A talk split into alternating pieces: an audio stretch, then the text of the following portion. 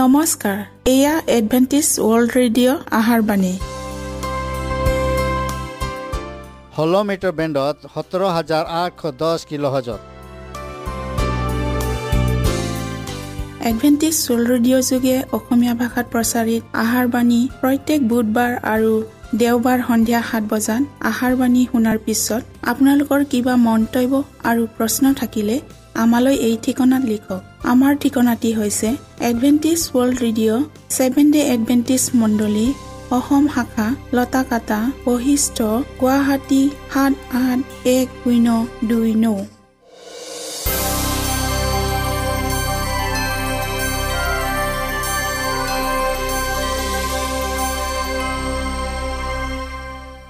প্ৰিয় শ্ৰোতা বন্ধুসকল এতিয়া শুনো আহক এটি খ্ৰীষ্টীয় ধৰ্মীয় গীত।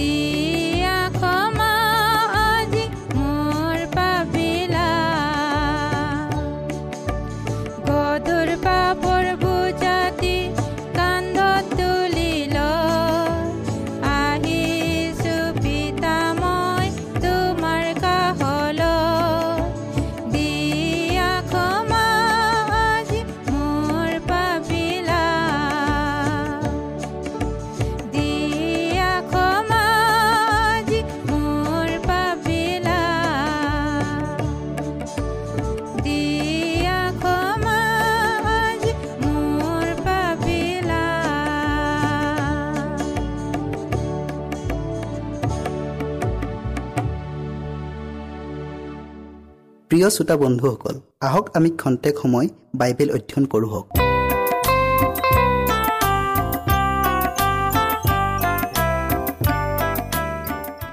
আজি আমি জাগি উঠাৰ উপযুক্ত সময়ৰ বিষয়ে অধ্যয়ন কৰোঁ হওক বাইবেল প্ৰতি লোৱা হৈছে ৰমিঅ' তেৰ অধ্যায়ৰ এঘাৰ আৰু বাৰ পথ তাতে বাজে তোমালোকে এই কাল জানা যে এতিয়াই টোপনিৰ পৰা সাৰ পাবৰ সময় হ'ল। কিয়নো যেতিয়া আমি বিশ্বাস কৰিলোঁ তেতিয়াতকৈ এতিয়া পৰিত্ৰাণ আমাৰ ওচৰ হ'ল। ৰাতিৰ অধিক ভাগ গ'ল দিন ওচৰ চাপিল। এইকাৰণে আহা আন্ধাৰৰ কৰ্ম এৰি থৈ পোহৰৰ সাজ পিন্ধো হওক। আমি প্ৰাৰ্থনা কৰি লওঁ হওক সেই সৰ্বশক্তিমান প্ৰভু পুনৰাই আজি তোমাৰ বাক্য শুনিবলৈ এই সুযোগ দিলা। তাৰ বাবে তোমাক ধন্যবাদ জনাইছোঁ। প্ৰভু আমি আজি জাগি উঠাৰ উপযুক্ত সময়ৰ বিষয়ে অধ্যয়ন কৰিবলৈ আগবঢ়াইছোঁ।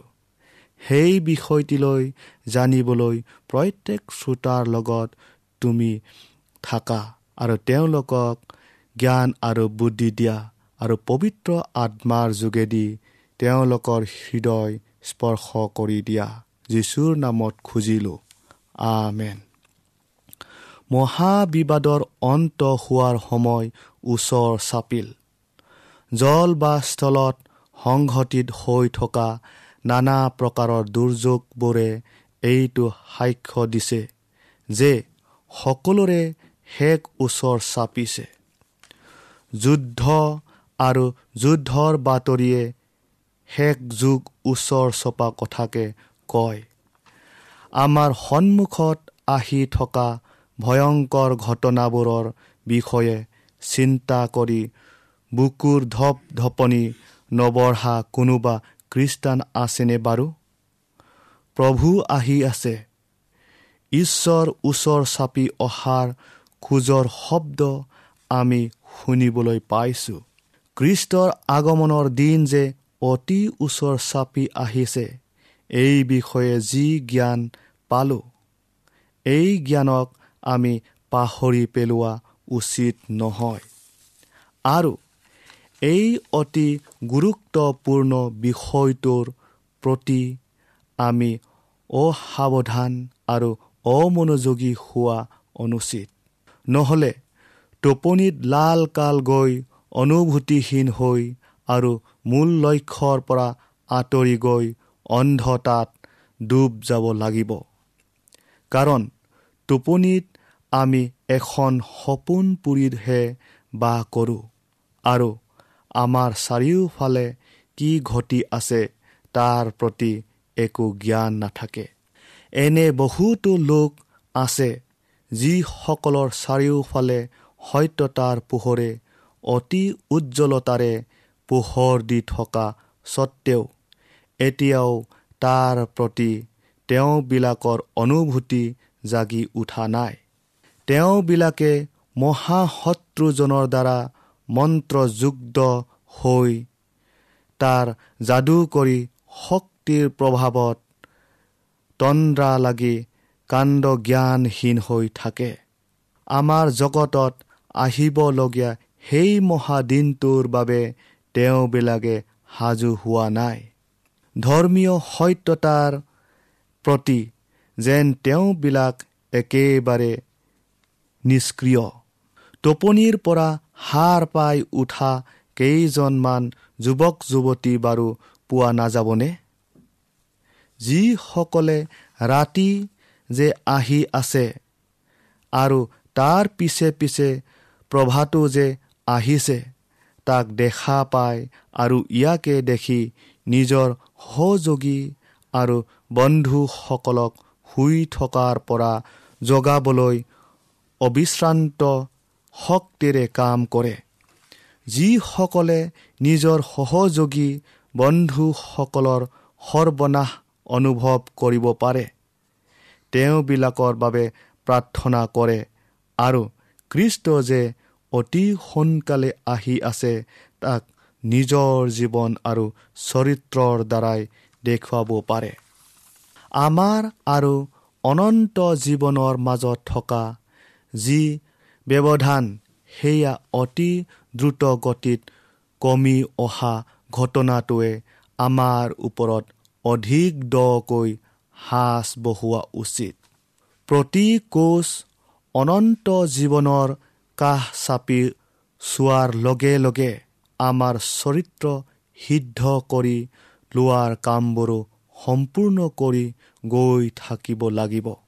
প্ৰিয় শ্ৰোতা বন্ধুসকল মানুহে যিমান দেৰিলৈকে শুই থাকিব সিমান সময়লৈকে তেওঁবিলাকে নিজৰ অমূল্য সময়বোৰ তেওঁবিলাকৰ ভাষাৰে প্ৰকাশ কৰিব নোৱাৰা অসাৱধানতা আৰু কাম কেয়ালি স্বভাৱৰ বাবে খৰচ কৰি থাকিব। যিসকলে প্ৰভুৰ বাক্যৰ সত্যতাক বিশ্বাস কৰে তেওঁবিলাক পৰিশ্ৰমী জাগি থকা আৰু বিনম্ৰ আৰু শান্ত ধীৰস্থিৰ আৰু প্ৰাৰ্থনাত লাগি থকা লোক হ'ব লাগিব। দ্বিতীয় কৰিন্থিয় ছয় অধ্যায়ৰ দুই পদটো আমি আকৌ পঢ়োঁ হওক। মই গ্ৰাহ্য কালত তোমাৰ প্ৰাৰ্থনা শুনিলোঁ আৰু পৰিত্ৰাণৰ দিনা তোমাৰ উপকাৰ কৰিলোঁ। চোৱা এতিয়া পৰম গ্ৰাহ্য কাল চোৱা এতিয়া পৰিত্ৰাণৰ দিন। কৃষ্ট যে অতি সোনকালে আহি আছে তাক আমি নিন্দেহে বিশ্বাস কৰোঁ। ই আমাৰ বাবে মনে সজা কাহিনী নহয়। ই নিৰ্ঘাত সত্য। এই বিষয়ত আমাৰ কোনো সন্দেহ নাই। সন্দেহ নাছিল সেই তত্ত্বৰ ওপৰত যি তত্ত্বক আমি ইমান বছৰে শিকি আহিছোঁ আৰু যি সত্যতাক আজি ধৰি ৰাখিছোঁ তাক আমি এই তত্ত্বৰ পৰাই পাইছোঁ। আৰু আমি যে শেষ বিচাৰৰ কাষ চাপি গৈ আছোঁ। তাকো আমি সন্দেহ নকৰোঁ। আমি সেইজনাক আদৰিবলৈ সাজু হৈ আছোঁ। যিজনাই বিশ্বাসীসকলক পুৰস্কাৰ দিবলৈ মেঘৰথেৰে অসংখ্য স্বৰ্গদূতসকলক লগত জগতলৈ নামি আহিব। আৰু আমাক অমৰতাৰ কিৰিটিৰে অলংকৃত কৰিব যেতিয়া তেওঁ আহিব তেতিয়া তেওঁ আমাক আমাৰ পাপৰ পৰা সূচী নকৰে। আমাৰ স্বভাৱ চৰিত্ৰত থকা ভুল ক্ৰুটিবোৰকো আঁতৰাই নিদিয়ে। নাইবা আমাৰ অসংযমহীনতা আৰু পাপময় প্ৰকৃতিৰ ৰোগকো সুস্থ নকৰে। এইবোৰ যদি কৰিবই বিচাৰে তেন্তে তেওঁ অহাৰ পূৰ্বেই এইবোৰ কাৰ্য সমাপন কৰক। যেতিয়া প্ৰভু আহিব তেতিয়া ধাৰ্মিকজন ধাৰ্মিক হৈয়ে থাকিব। যিসকলে নিজৰ শৰীৰ আৰু আত্মাক পবিত্ৰতাত আৰু শুদ্ধতাত সংৰক্ষণ কৰি ৰাখিব আৰু ঈশ্বৰৰ মন্দিৰ বুলি সন্মান কৰিব। তেওঁবিলাকে তেতিয়া অমৰতাক লাভ কৰিব। কিন্তু যিসকল অধাৰ্মিক অন্যায়কাৰী আৰু অপবিত্ৰ সিহঁতে সদাকাল তেনে অৱস্থাতে থাকিব। তেওঁবিলাকৰ ভুল ক্ৰুটিবোৰ আঁতৰাই পবিত্ৰ চৰিত্ৰ দান কৰিবলৈ আৰু কোনো কাৰ্য তেওঁবিলাকৰ কাৰণে কৰা নহ'ব। পৰিশোধক জনাই তেতিয়া আৰু তেওঁৰ পৰিশোধন প্ৰক্ৰিয়া চলাই তেওঁবিলাকৰ পাপ আৰু তেওঁবিলাকৰ দুষ্কৃতিবোৰ পৰিশোধন নকৰে। এই সকলোবোৰ কাৰ্য অনুগ্ৰহৰ সময়ছোৱাতে কৰা উচিত। এই কাৰ্যবোৰ সম্পাদন কৰাৰ সময় এতিয়াই। আমাৰ বিভিন্ন কাৰ্যক্ষমতা আৰু মনোবলেৰে সৈতে আমি ঈশ্বৰৰ সত্যতাক আঁকোৱালি লওঁ আৰু আমি সেই সত্যতাৰ প্ৰভাৱৰ অধীনত লৈ আহে আৰু আমাৰ বাবে কৰিবলগীয়া সকলোখিনিকে কৰে। যিটোৱে স্বৰ্গ ৰাইজৰ গৌৰৱৰ কাৰণে আৰু স্বৰ্গীয় দুদগণৰ সমাজখনৰ বাবে আত্মিক যোগ্যতা লাভ কৰিবলৈ অতি প্ৰয়োজনীয়। এতিয়া আমি ঈশ্বৰৰ কৰ্মশালা স্বৰূপ আমি বহুতে খনিৰ পৰা উলিয়াই অনা এটা এটা কঠিন ৰুক্ষ শিলস্বৰূপ কিন্তু যেতিয়া আমি ঈশ্বৰৰ সত্যতাৰ ওপৰত নিজকে স্থাপন কৰি লওঁ ইয়াৰ প্ৰভাৱে আমাৰ ওপৰত ক্ৰিয়া কৰিবলৈ আৰম্ভ কৰে। ই আমাক ওপৰলৈ উন্নীত কৰে আৰু আমাৰ প্ৰতিটো অসম্পূৰ্ণতাক আৰু পাপক আমাৰ পৰা দূৰ কৰে। প্ৰিয় শ্ৰোতা বন্ধুসকল এইদৰে তেওঁৰ সম্পূৰ্ণ সৌন্দৰ্যতাক ৰজাজনক চাবলৈ আমাক সাজু কৰা হয় আৰু মহিমাৰে ভৰপূৰ স্বৰ্গ ৰাইজত দুধগণৰ লগত অৱশেষত আমি মিলিত হ'ব পাৰিম।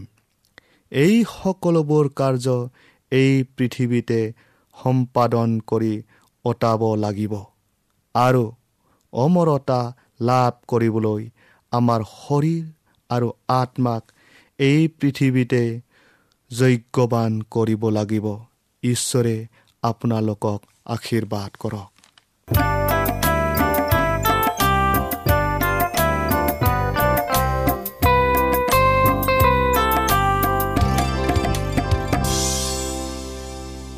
ইমানপৰে আমি বাইবেল অধ্যয়ন কৰিলোঁ। এতিয়া আকৌ শুনো আহক এটি খ্ৰীষ্টীয় ধৰ্মীয় গীত।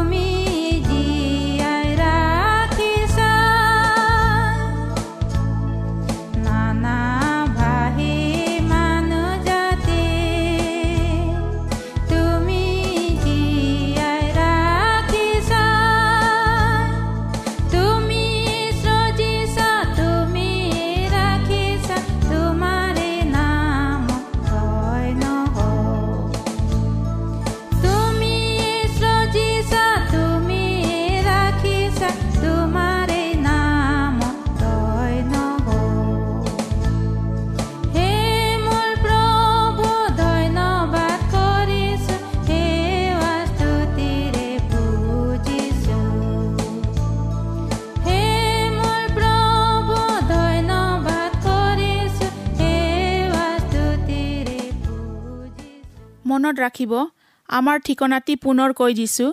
Adventist World Radio' Assam region of seven day Adventist voice of hope Lotakata Basistha Guwahati seven eight one zero' two nine প্ৰিয় শ্ৰোতা বন্ধুসকল এডভেণ্টিজ ৱৰ্ল্ড ৰেডিঅ' যোগে আহাৰবাণী প্ৰচাৰত আপোনালোকক পুনৰ লগ পোৱাৰ আহাৰে আজিলৈ সামৰিলোঁ।